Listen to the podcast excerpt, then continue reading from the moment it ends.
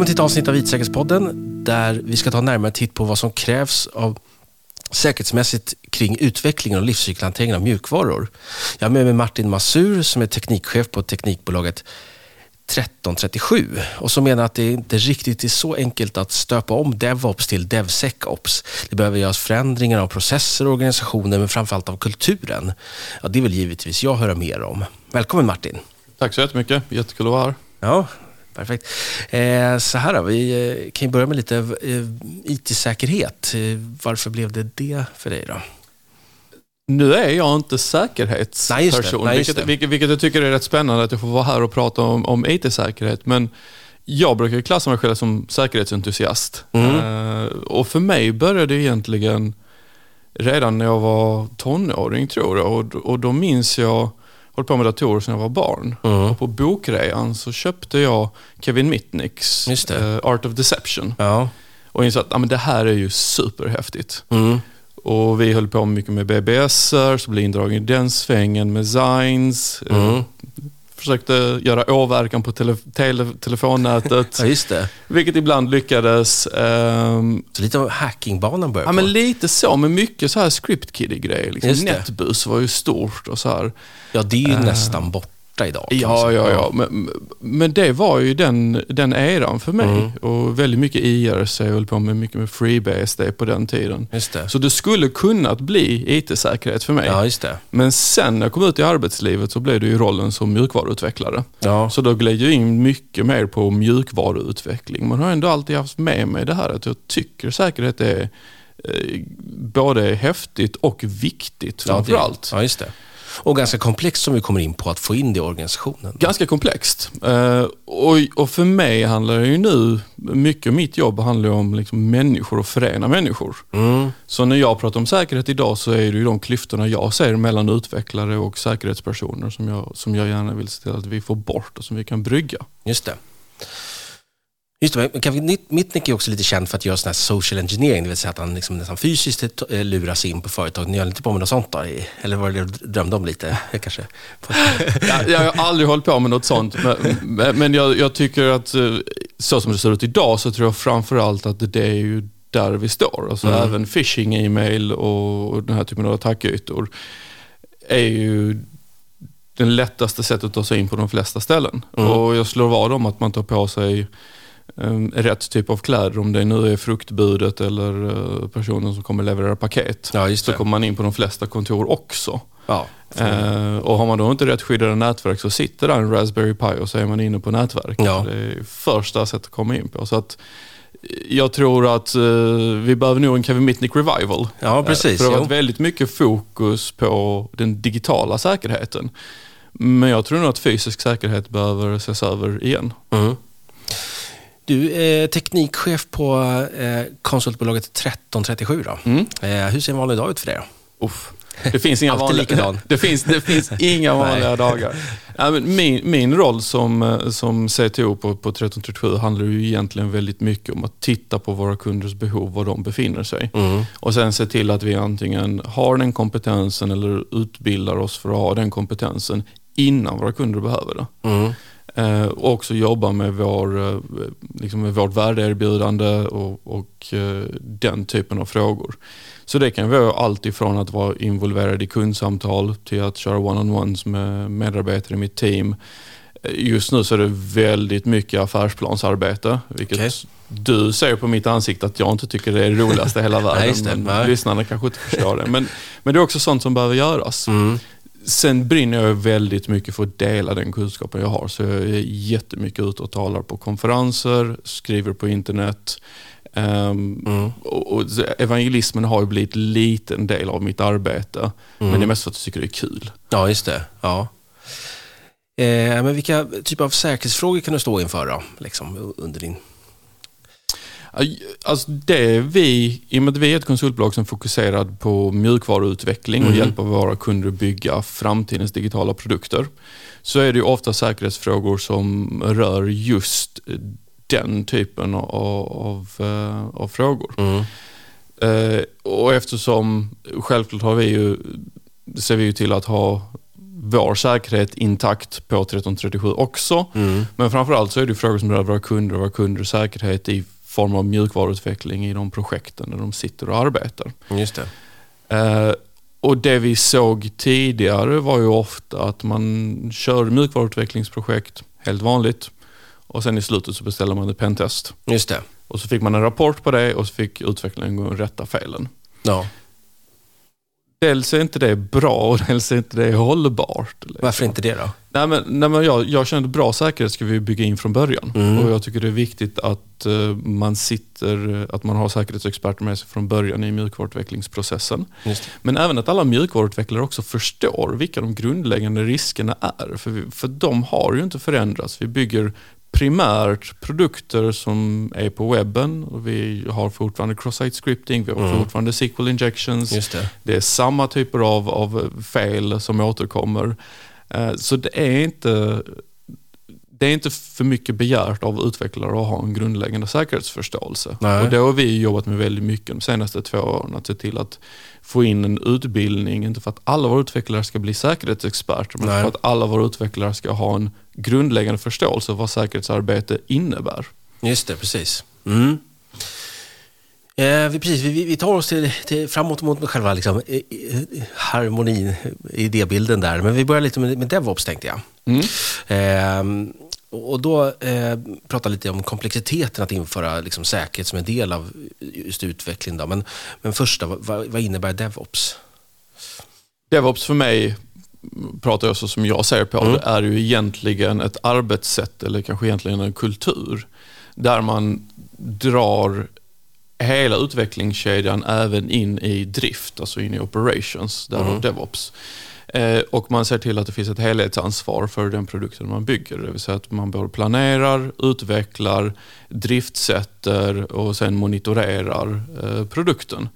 Och att det här görs av samma team, inte nödvändigtvis samma människor, för det kan finnas människor som är specialiserade på utveckling och människor som är specialiserade på operations. Mm. Men att de jobbar tillsammans i samma team.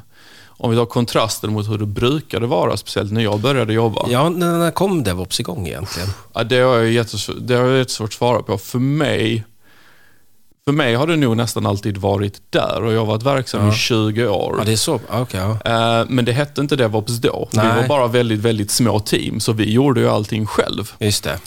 Och sen när man kom in i större organisationer så började man ju förstå att men nu ska vi skeppa saker till driftavdelningen. Och de har ju en massa krav och då var, det var då jag först insåg att ja, det finns ju andra sätt att jobba på. Mm. Eh, Men jag såg också baksidan med de sätten, det vill säga att helt plötsligt så är det ju inte vi som har byggt produkten som är ansvariga för driften och vi måste göra en handover och saker och ting försvinner i den handovern. Och vi kan inte släppa ut saker lika mycket som vi skulle vilja släppa ut saker. Nej, Och framförallt var ju drift väldigt manuellt då. Just det. Medan vi med utvecklarkompetens kanske så att men det här går att automatisera. Det finns ju pipelines, vi kan Mm. bygga runt de här problemen. Sen tror jag att det riktiga, liksom riktiga DevOps-revolutionen kom ju i takt med eh, cloud. Just det. För att det Mm. var när vi började, började prata om infrastructure as code, vi kan skripta upp maskiner och hela den biten. Det var då det började bli riktigt stort, för då insåg vi att men allting kan vi ha i Git-repot. Just det. Så allting är ju Git-repot, sen trycker vi bara ut och så spinner det upp så många AWS-instanser som vi behöver med lastbalansering och alltihopa. Och behöver vi ändra någonting så ändrar vi det i koden Mm. eller i konfigurationen och så trycker vi ut någonting nytt igen. Ja, och jag, jag, jag kommer ju från infrastruktursidan eller driftsidan och jag tänker bara tillbaka hur det var förr i tiden. Då var det ju, då var det kanske så att utvecklingsteam och så kanske de, ett sånt team beställde servrar av drift och så skapar man upp servrar så visste man inte vad, Mm. okej, jag skapar de här enligt vad de säger och sen blir det inte så mycket mera. Och så blev vi arga för att vi inte fick dem i tid. Ja, exakt, ja precis. Ja, precis. Där känner man igen och, så, och då och man får ingen förståelse för heller. Varför har Nej. de så bråttom och, och varför tar de så lång tid på sig och hit och dit? Så då. Ja, men jag, jag tror det är liksom ett naturligt steg i det vi rör oss mot nu som är mer produktteam snarare än projekt. Mm. Förr jobbade vi i projekt, de hade ju en tydlig början och slut. Just ett det. projekt startar, ett projekt slutar, vi driftsätter i slutet på projektet. Vi har en stor rollout, poppar champagnekorken. Mm. Men nu när vi jobbar mer i produkt så släpper vi ju jätteofta. Vi har nya features varje dag. Tänk bara på din telefon. När du vaknar på morgonen så har apparna uppdaterat sig. Du har inte ens tänkt på det. Nej, just det.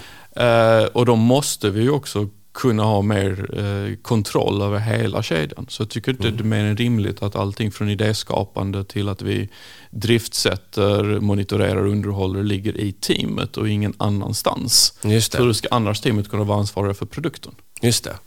Ja, okay. Eh, så, så i DevOps-team så är det ganska vanligt att det är kanske vissa som är mera eh, drifttunga då, kanske som inte sitter och utvecklar. Då. Ja, men jag, jag brukar prata om tech-kompetens för att jag, jag, tror på specialister som har ett djup, de är jätteduktiga på det de gör och sen tror jag på att eh, på toppen av det djupet så finns det en bredd. Mm. Och det betyder att egentligen man ska ha ganska bra förståelse för vad alla andra gör men du behöver själv inte vara expert. okay. Så jobbar man med bra operations developers, eh, som, som vi ofta kallar dem för, mm. folk som är bra på att skripta de här typen av eh, pipelines och miljöer och allting. Så som utvecklare ska man ha tillräckligt mycket förståelse för att veta vad de håller på med, kanske rätta mindre grejer men du behöver inte själv sätta upp alla de strukturerna. Nej. Men det är viktigt att den personen finns i teamet. Det är inte ett annat team du går och äskar hjälp ifrån utan se till att den personen finns i teamet så vi kan sköta det, det vi behöver sköta. Just det. Men eh, precis, nu, nu har du jobbat i Dev, DevOps mm. i, i, nästan hela livet men om vi säger att det finns någon som lyssnar här ute som fortfarande sitter i de här två silosarna vad, vad, vad skulle du rekommendera? Vad kan man göra liksom för att gå mot DevOps? Alltså, det krävs ju, det är ju precis som det vi kommer att prata om senare, att, mm. att det är ju egentligen tre saker. Det ena är ju organisationsförändringen. Du måste ju se till att faktiskt få till bra produktteam där de här människorna sitter tillsammans. Ja. Uh, sen så finns det ju en viss arbetssättsförändring där man då börjar prata om hur, kommer, hur jobbar vi annorlunda. Uh, och sen så är det självklart den kulturella förändringen, att vi ser till att uh, de som jobbar med dev vill lära sig mer om operations och förstå det och de som jobbar med operations vill bli bättre på mjukvaruutveckling och Just förstå det. Uh, och det är väl kanske den som är svårast att få till, få till för att om man sitter i en driftavdelning så trivs man ganska bra där och vi driftar allihopa och här sitter vi och har det supermysigt. Ja. Och utvecklarna har det supermysigt någon annanstans. Ja. Och helt plötsligt ska vi slå sönder de här två kulturerna och skapa en ny kultur. Uh, och förändring är ju alltid svårt för människor, mm. det tycker jag. Men, men det är sällan, alltså jag, jag, tycker det är ju sällan man stöter på företag som inte redan antingen har gått den här vägen eller redan tittat på det. Mm. Så mitt råd är att om man sitter i den här är ju väl egentligen bara gå och prata med de andra människorna. Det behöver inte vara så mycket svårare. Nej. Man skulle kunna börja etablera gemensamma luncher eller fikor och sen kan man kan se, ja, men kan vi jobba på saker och ting tillsammans istället för att skicka saker över väggen. Just det. Det är ett stort problem i vår bransch att vi skickar saker över väggen. Vad menar du det? Ja, men, äh, men, när jag började jobba så var det så här, vi utvecklade kod och sen skickade vi den till test. Mm. Och sen fick vi tillbaka en bunke av testrapporter och så var vi skitsura på test. Vi pratade egentligen aldrig med testarna. Eh, men de var ju fienden. Ja, okay. Och vi var ju deras fiende kändes det som. Just det. Och så rättar man eh, testrapporterna, rättar man buggarna och så skickar man tillbaka dit och hoppades man på det bästa. Hade det gått igenom då så skickar vi det till eh, drift. Och de pratade vi verkligen aldrig med och såg, såg de någonsin aldrig. Jag tror till och med de satt i en helt annan byggnad. Och det var verkligen så, ja men det här kommer ta tre månader att provisionera. Vi sa, men kom igen nu liksom. Det är omöjligt att det tar så lång tid. Och så tyckte vi illa om dem också, för de tog väldigt lång tid på sig att göra saker. Men egentligen så handlar det om att vi förstår inte deras verklighet. Nej. Så vi hade ingen empati för att testarna egentligen bara ville göra en bra produkt och försökte hjälpa oss. Och drift hade jättemycket att göra och var extremt underbemannade. Och dessutom behövde de beställa hårdvara, vilket också hade en ledtid. Mm. Men där vi satt såg vi inget av detta. Så det enda vi gjorde var, ju frustre- var, var att vi var frustrerade. Just det. Eh, och det är det jag menar med att genom att skicka saker liksom över väggen jag har aldrig till hört någon det. annan. Är det något skånskt uttryck? Eller? Kanske, ja, möjligt. kanske. möjligt. Ja. En overall tror jag. Ja, det, liksom. kanske men, men ja. det är så här, man kastar saker över väggen till någon annan och, och det, då ser du aldrig människorna på andra Ja, sidan. just det. Precis. Ja. Du Ja. kastar dem bara över Mm. väggen och så, så händer någonting och så kanske kastar de tillbaka något. Eh, så att någonstans får man dra, riva ner de här murarna så man faktiskt kan se varandra, se, se varandra som människor och börja jobba på saker och ting tillsammans. Låter väldigt utopiskt, och det, Mm. men det är ganska svårt. ja, precis. Ja, men okej, då ska, då ska vi lägga till det här DevSecOps då, att man har även säkerhetsfolk med i det här och det är det som är mm. den stora grejen. Då. Men vad, vad är liksom utmaningen med det?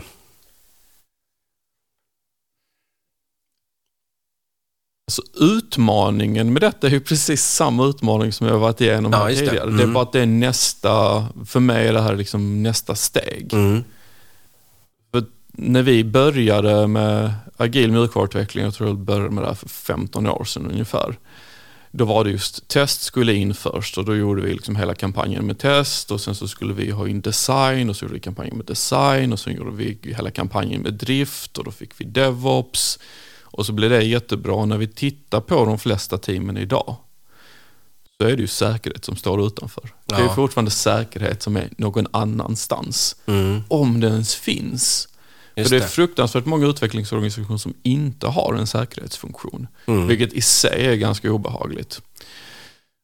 Men den största utmaningen jag ser med detta som jag inte såg när vi började med drift var att ofta satt utveckling och drift under samma chef, åtminstone under samma organisatoriska tillhörighet. Men det är inte alls ovanligt att utvecklingen sitter under CTO mm. och eh, säkerheten sitter under CISOn. Ja, just det. Och de mm. rapporterar båda till vdn. Så de har fått olika KPI, de mäts på olika saker. Så det finns inget bra sätt att förena det här i väldigt många organisationer, vilket skapar en liksom, naturlig eh, friktion mellan de här. Så att inte, inte nog med att vi, komplexiteten att vi inte har tillräckligt mycket med säkerhetspersoner, eh, det vet vi hur branschen ser ut, mm. så, så har vi liksom organisatoriska strukturer som inte tillåter oss att jobba Just det. Ja. På, på bra sätt. Men en sak som jag tycker är lite kul, jag läste en liten um, Eh, en text som du har skrivit ja. på nätet där. Eh, och lite att det är olika, olika typer av personer då. Mm. För, för, nu får du tillåta att raljera lite här. Vad är en skillnad mellan en operationsperson och en utvecklare och en säkerhetsnisse? Ja, men, ja, absolut, men jag återkommer till det här att jag tror egentligen inte det är personernas fel, utan jag tror det är vad personerna mäts på. Mm. Och tittar vi på utbrändheten i säkerhetsbranschen så är den superhög, speciellt bland CISOs men överlag av säkerhetspersoner. Mm. För att ofta vilar hela tyngden av företagets säkerhet på en eller ett fåtal personer. Mm. Och det är det här de mäts på. Ingen ska någonsin få lov att komma in, det ska vara supersäkert, vattentätt och så säger utveckling, ja men move fast and break shit.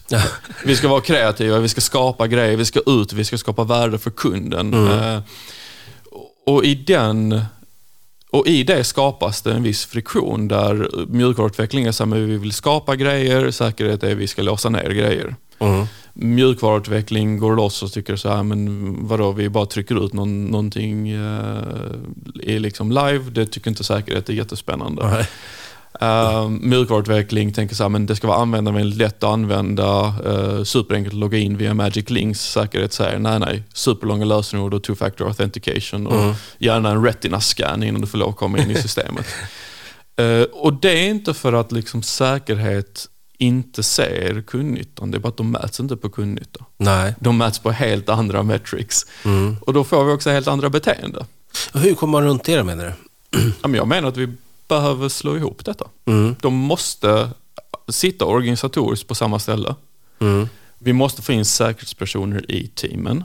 Men vi måste också höja medvetenheten om säkerhet hos utvecklare. Så vi måste göra precis samma grej som vi gjort med DevOps, men med säkerhet. Mm. Men det handlar ju inte bara om processen. För att när jag säger att det är så lätt att bara slänga på DevSecOps och sen gå mm. vidare med livet. Det jag menar är ju att många läser en bok om hur processen ska, ska gå till och så försöker man bara tillämpa processen utan att egentligen tänka på vilken kulturell förändring det här betyder och utan att också förändra mätvärdena och de organisatoriska tillhörigheterna. Så säkerhetspersonen sitter i utvecklingsteamet kanske, mm. eller en resurs till utvecklingsteamet, om ännu värre. Men rapporterar fortfarande till CISOn och CISOn möts fortfarande på samma saker från ledningsgruppen som de alltid har mätts på. Mm. Och så säger man så här, men det här har inte gjort någon förändring för oss, vi sitter fortfarande i samma issues. Så någonstans måste vi börja kunna få till de här kompromisserna mellan vad är säkert och vad är användbart, vad är liksom innovation, vilka risker utsätter vi oss för, medvetenhet i de typen av risker. Men framförallt att vi ska se till att vi använder de säkerhetspersonerna som vi har som utbildare och coacher för de personer som jobbar i teamen. Mm. Men också att vi tar att vi tar de här eh, mätvärdena som vi tidigare har haft på säkerhetsindividen och säger nu är hela teamet ansvarigt för det. Är det någon som gör intrång i produkten, Mm. Är designen lika mycket ansvarig som säkerhetspersonen för ni, ni har det här tillsammans. Just det. Vilket Ja. skulle släppa lite tryck på säkerhetsindividerna, kanske se att de får en lite lättare vardag, sover bättre på natten. Mm. För att det är ju också ur liksom ett rent medmänskligt perspektiv så är det inte hållbart så som vi har strukturerat säkerhet i branschen. Nej. Och när du menar att man har produktteam, det kan vara till exempel att man har en applikation då eller Mm. liksom... Ja, men att, att, har man en applikation och den är tillräckligt liten så har man kanske bara ett produktteam. Mm. Men i större organisationer eh, som driver liksom stora, eh, stora produkter så är oftast ett produktteam kanske en delmängd av applikationen. Till Ja, exempel okej. att det finns ett produktteam som är ansvariga för eh, dashboardsidan eller, och ett produktteam är ansvarig för kundkorgen. Mm. Ett annat team är ansvarig för produktlistningen och så vidare. Så, vidare. så att där bygger man de här teamen mycket mer eh, kring kontexten de eh, jobbar i. Liksom. Ja, okej. Just det. Mm. Och det är väl också kanske ett annat sätt att se på organisation, men jag tror att det är dit vi är på väg nu. Mm. Men hur menar du, att, hur skulle en process se ut i, i drömvärlden där säkerhetsfolket är inne? Har du något konkret där liksom? Det finns egentligen i varje steg i, i eh, dev, eh, dev eh, Ja. finns det ju säkerhetsaktiviteter vi kan göra. Mm. Problemet som jag säger är att vi förväntar oss att det är säkerhetsindividerna som ska göra de aktiviteterna. Mm. Om vi tittar på ett team av, säg åtta utvecklare och du har en säkerhetsperson som sitter i det teamet och du förväntar dig att det är den personen som ska göra vartenda steg. Både i planeringen, att de då ska göra en riskbedömning av featuren vi, vi bygger upp, eh, göra en hotana, hotanalys, men sen även i programmeringen göra en statisk kodgranskning, se till att liksom allting ser, ser rätt ut efteråt hjälpa testarna med te- eller göra testningen själv då och, och testa igenom så att det faktiskt blev säkert. Mm. Eh, innan vi deployar, se till att maskinerna är säkrade eller de virtuella maskinerna eller molnet är säkrat.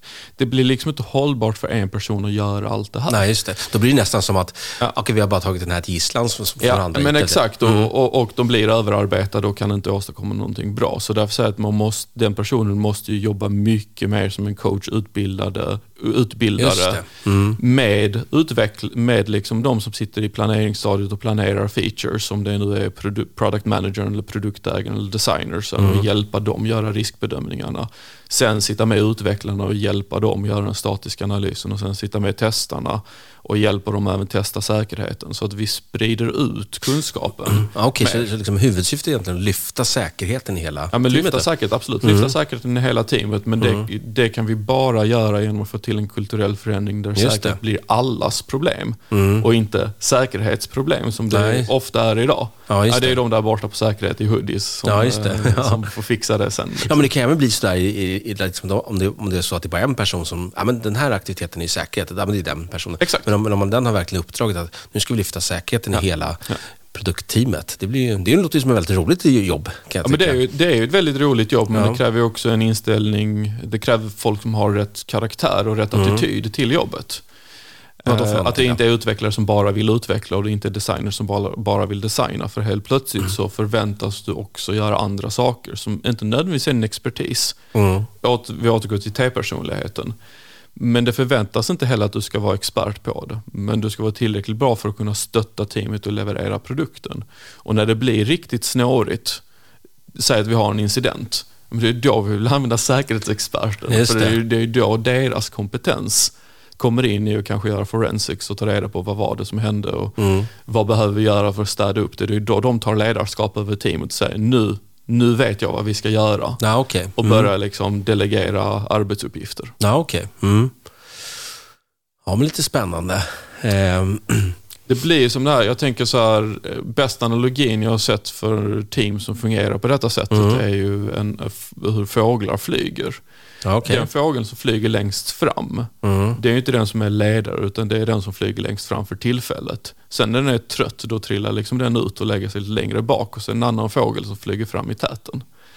Så den här typen av team funkar ju så här fast beroende på vad de ska göra. Just Så det. det kan ju vara säkerhetspersonen som är ledare vid ett visst tillfälle. Eller så är det designern eller product managern eller vem det är nu som behövs för arbetsuppgifterna vi står inför. Mm. Eh, ja, precis. Och då, då får man ju då...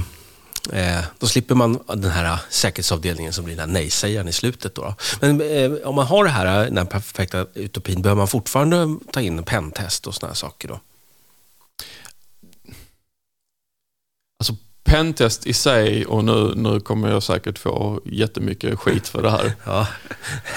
Men, men pentest i sig är ju oftast för sent, Mm. tycker jag. Eh, och Anledningen till att jag säger det är ju för att de gångerna vi har gjort pentest så får man ju en rapport. Och sen rättar man liksom allting som finns i rapporten. Oftast finns det inte så mycket i rapporten, men det externa företag som blivit intaget för att göra testet Mm. måste ju hitta någonting. Så de försöker ju ändå liksom skriva någon rad om någonting och så här kunde ni gjort bättre. Och, så här. och hälften av grejerna går ju inte att fixa eller helt irrelevanta och den andra hälften löser vi. Så att, så att jag tror egentligen om att om man jobbar på det här sättet så beror det lite på vad man levererar för produkt. För pentest är ju egentligen bara en kvalitetsstämpel eller en Mm. garanti. Det har ingenting att göra med testningen i sig. Utan det vi har pentestet till är för att kunna visa upp det och säga här har vi haft en oberoende partner Mm, som har tittat på detta Ja. och också sagt att det är bra. Mm. Eh, Så behöver man det, jobbar man i en sån bransch som behöver den typen av garantier och det finns ju den typen av branscher som hanterar allt från personuppgifter till eh, känsliga personuppgifter då till, eh, till pengar och andra liksom, kritiska tillgångar. Då kan man ju fortfarande vilja ha den Mm. eh, externa stämpeln, men då får man ju ta det för vad det är. Det är ju en försäkring vi köper, det är ju inte för att Just det. vi ska ju inte ha gjort fel, vi ska ju inte ha några stora anmärkningar i det pentestet. Ja, just det. Jag förstår. Ja, lite, lite spännande. Det är många som är, eh, drömmer om pentestjobb här som våra lyssnare. det kommer vara helt onödigt. Nej. Nej men, men gör det tidigt. Alltså, jag tycker det, det, det är klart man kan göra pentest, men Ja. gör det tidigare. Och jag tycker liksom när vi tittar då på DevSecOps också, ja, men, automatisera det som auto, går att automatisera. Det är ju inte, alltså, jag har ju suttit med i pentesten när de gör det, och första de gör är att de kör ju Burp Suite. Mm.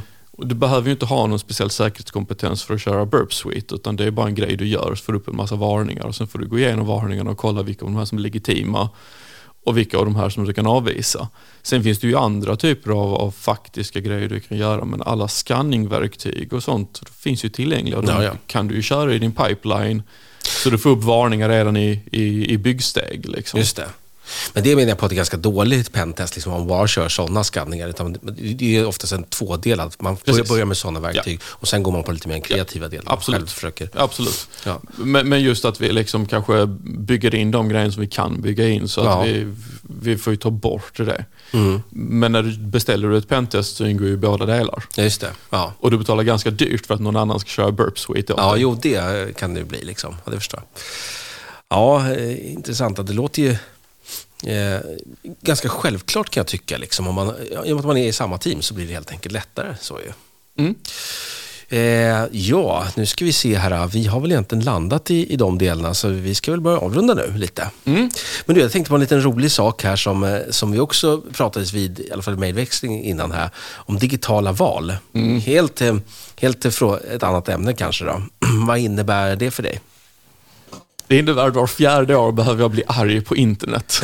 det är ungefär vad det betyder. Ja. Uh, ja, men jag, jag, det finns ju vissa sådana här frågor som återkommer och egentligen så när man pratar om det här med att digitalisera valet då betyder det ju ofta att man har inte förstått hur valsystemet idag funkar och varför det är ganska fantastiskt Mm. så som det är. Men ändå var fjärde år så är det alltid någon tekniker som ska ge sig på det här Ja. i sociala medier och säger nu har- sitter vi här en gång till och varför har vi inte löst det här på ett bättre sätt? Och för mig så, är, så, så blir ju det extremt frustrerande. Mm. Eh, för att dels så har vi i dagsläget inget säkert sätt att digitalisera val. Nej, alltså jag, jag, är inne på helt samma linje. Men om vi bara för liksom, jaha men vadå, vi kan ju deklarera. Jag kan väl också logga in med BankID och, och, och välja. Mm, absolut, men vad är konsekvensen av att någon deklarerar åt dig? Mm. Ja, det, det, ingen. Det, ingen liksom. Det, det, är ju så här, och det går också att ändra om det skulle vara fel. Om det är så att någon gör intrång i din deklaration och, och deklarerar felaktigt åt dig, mm. så kan du kontakta Skatteverket och säga det här var inte jag som gjorde det, så jag vill deklarera om. Mm. Och då kan de lösa det. Eh, skulle vi göra det här med digitala val och du då ska kunna rösta om om någon har röstat fel, då behöver du ha spårbarhet på vem som röstar vad. Mm. Och redan där så har vi liksom byggt upp ett ganska läskigt system. För att vi kan rösta anonymt idag, så snabbt kuvertet hamnar i valurnan så är det inget som knyter mig till min röst längre. Nej. Det betyder att ingen kan utöva förföljelse på mig för min politiska åsikt om de skulle komma över de här listorna eller om de skulle läcka på något sätt, vilket de garanterat gör eftersom vi har intrång i system överallt hela tiden. Mm. Eh, och, eh, och dels så betyder det att jag kan inte heller sälja min röst eller bli tvingad att rösta på ett visst sätt. För kan jag bevisa att jag har röstat på ett visst sätt så, kan, kan, så öppnar vi upp för röstförsäljning. För att jag kan då visa kvitto på att, men titta jag röstar på det du betalade mig för att rösta. Eller att någon tvingar mig med hot eller våld eller liksom någon i familjen säger alla ska rösta på det här sättet, annars jävlar får ni se. Mm. Eh, så, så det öppnar upp för hela den typen av problematik. Sen vet vi att digitala system är ju, liksom, om man bara vill så tar man sig in i dem. De Mm. blir ju aldrig så pass säkra. Och idag, även om du skulle försöka fuska i valet, så att en valräknare försöker räkna fel med meningen, så kommer inte det ha tillräckligt mycket inflytande för att ändra ett valresultat. Men en liten if-sats som lägger vår tionde röst Ja. någon annanstans Mm. kan ju ganska snabbt eh, få hela demokratin på fall. Ja. Så någonstans så är det liksom pappersblanketterna som vi använder idag är ju ganska finurligt designade för att motverka väldigt mycket av de här sakerna. Ja. Och dessutom använder vi bara systemet en gång var fjärde år. Om jag ber dig ta upp en app som är fyra år gammal och använda den, då kommer du tycka den är superkass. Ja. Så det betyder också att ja, då har vi på oss en kostnad som skattebetalarna ska betala för att hålla den här appen kontinuerligt uppdaterad inför varje val, skriva en ny och, och liksom fyra år gammal legacy-kod, det är liksom inget roligt att hantera. Nej.